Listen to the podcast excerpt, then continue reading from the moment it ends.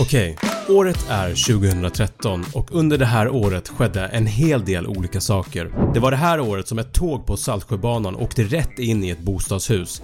Terrorattentatet mot Boston Marathon sker i USA och Sara Sjöström från Sverige vinner VM-guld i 100 meters fjärilsim. Det var också under det här året som spelet GTA 5 släpps och drog in cirka 800 miljoner dollar under de 24 första timmarna efter release och skådespelaren Paul Walker dör i en bilolycka. Det var även under det här året som det extremt populära mobilspelet Flappy Bird lanserades. Året är som sagt 2013 och den 24 maj släpptes spelet Flappy Bird på Apples App Store med stöd för den dåvarande telefonen iPhone 5. Och till en början var det inte speciellt populärt.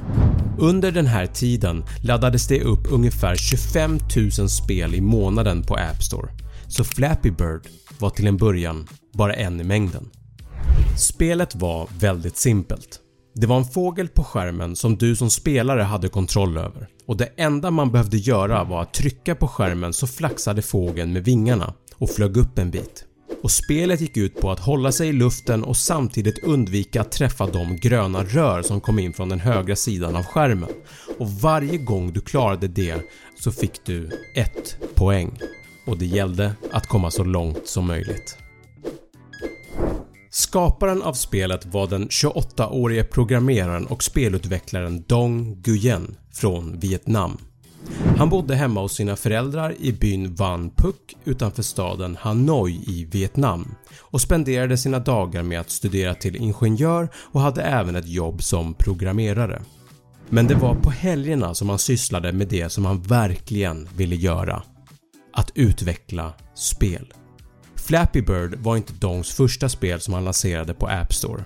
Han hade tidigare skapat spelen Ninjas Assault, Shuriken Block, Droplet Shuffle och Smashing Kitty. När Flappy Bird lades upp på App Store den 24 maj 2013 var det inte så populärt. Spelet var gratis och Dong hoppades på att tjäna lite pengar på de annonser som visades i spelet. Men månad efter månad gick och Flappy Bird verkade aldrig ta fart. Men i slutet av december samma år hade spelet klättrat upp på topplistan över gratisspel på App Store och låg nu på plats 80 i USA. Och i januari 2014 fick spelet en enorm popularitet. Fler och fler började att upptäcka Flappy Bird och det twittrades höger och vänster om spelet. Vissa älskade det, andra hatade det, några hatade att de älskade det Spelet som var så simpelt till en början men blev så otroligt svårt efter ett tag gjorde så att vissa blev som besatta av att klara spelet. Flera hemsidor skrev tips och tricks på hur man skulle kunna få högre poäng i spelet. Överallt pratades det om den lilla irriterande fågeln. Den 17 januari 2014 hamnade Flappy Bird på första plats på topplistan i App Store över gratisspel och inte bara i USA utan i hela världen. Som mest hade Flappy Bird strax över 50 miljoner nedladdningar och cirka 68 000 recensioner på App Store.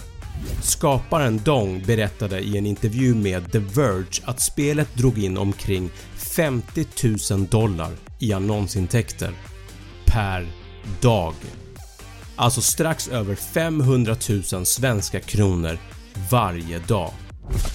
År 2014 var Flappy Bird nummer ett bland de spel som trendade mest på Google.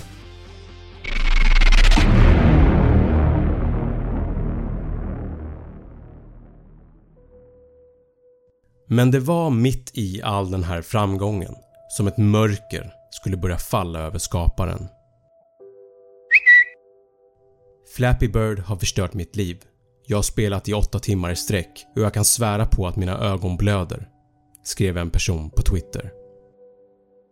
“Jag gillar inte dig” skrev någon annan. “Så du är skaparen av Flappy Bird? Tack, tack så mycket. På grund av dig så har jag inget liv.” De fick också veta att barn spelade Flappy Bird under lektionstid i skolan och sänkte sina betyg. Han fick också höra om en mamma som hade slutat prata med sina barn för att hon bara spelade Flappy Bird. Det här hatet skulle bara fortsätta och vissa började nu att anklaga Dong för att ha stulit grafik från de gamla Super Mario-spelen eftersom de gröna rören i spelet som man ska undvika är väldigt lika de rör som finns i Super Mario-spelen. Dong förnekade till de här anklagelserna, han menar på att grafiken från de gamla spelen har inspirerat honom men att han aldrig har stulit någon grafik rakt av. Det hat som han fick från folk på Twitter och i sin mailkorg bara växte och växte. Folks besatthet av spelet skapade en oro hos honom och gjorde honom väldigt osäker på om spelet var bra överhuvudtaget. För några månader sedan var han bara en helt vanlig kille och nu visste helt plötsligt hela världen vem han var. Han kunde inte sova, han kunde inte fokusera, han ville knappt lämna sitt hem under all hysteri. På Twitter skrev han “Jag kan säga att Flappy Bird är en framgång för mig men det förstör också mitt enkla liv. Så nu hatar jag det. Kritiken och alla anklagelser mot honom blev bara för mycket till slut. Och den 8 februari 2014 twittrade Dong ut en väldigt oförväntad nyhet. “Jag beklagar Flappy Bird användare om 22 timmar från och med nu kommer jag ta bort Flappy Bird. Jag klarar inte av det här längre.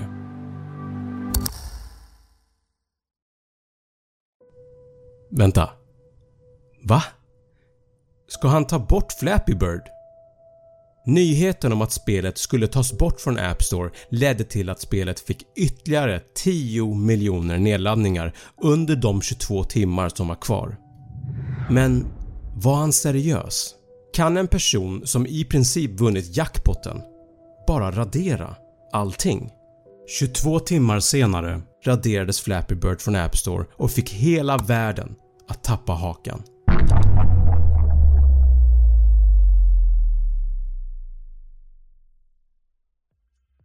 Och alla ställde sig frågan Varför? Det började att spridas en mängd olika rykten att det bara var ett PR-stunt för att skapa en hype inför nästa spel som han jobbade på i hemlighet. Eller att han hade blivit stämd av Nintendo. Eller att han helt enkelt inte bara klarade av all press. Eftersom det inte gick längre att ladda ner Flappy Bird från App Store så såg vissa människor det här som en möjlighet att tjäna pengar. För de som hade laddat ner spelet innan det togs bort kunde fortfarande spela det.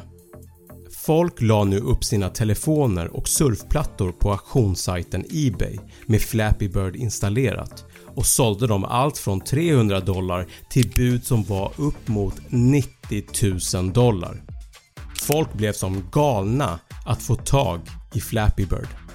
Ebay var till slut tvungna att förbjuda den här försäljningen eftersom en telefon måste vara fabriksåterställd innan den får säljas vidare på hemsidan och under tiden allt det här pågår så poppar det upp flera spel på App Store som var i princip kloner av Flappy Bird.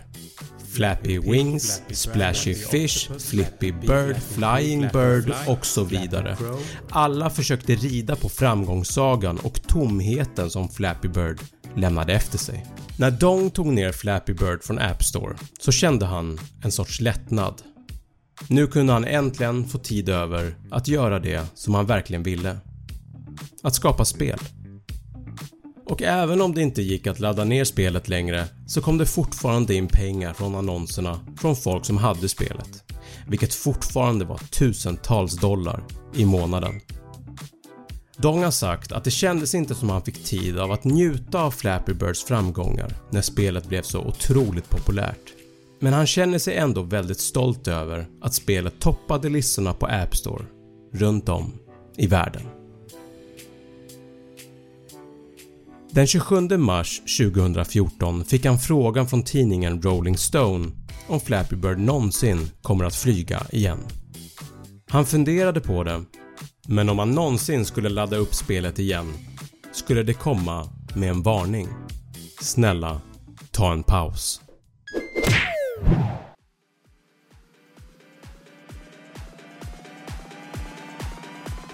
Det mina vänner var historien om Flappy Bird. Tack för att du har tittat!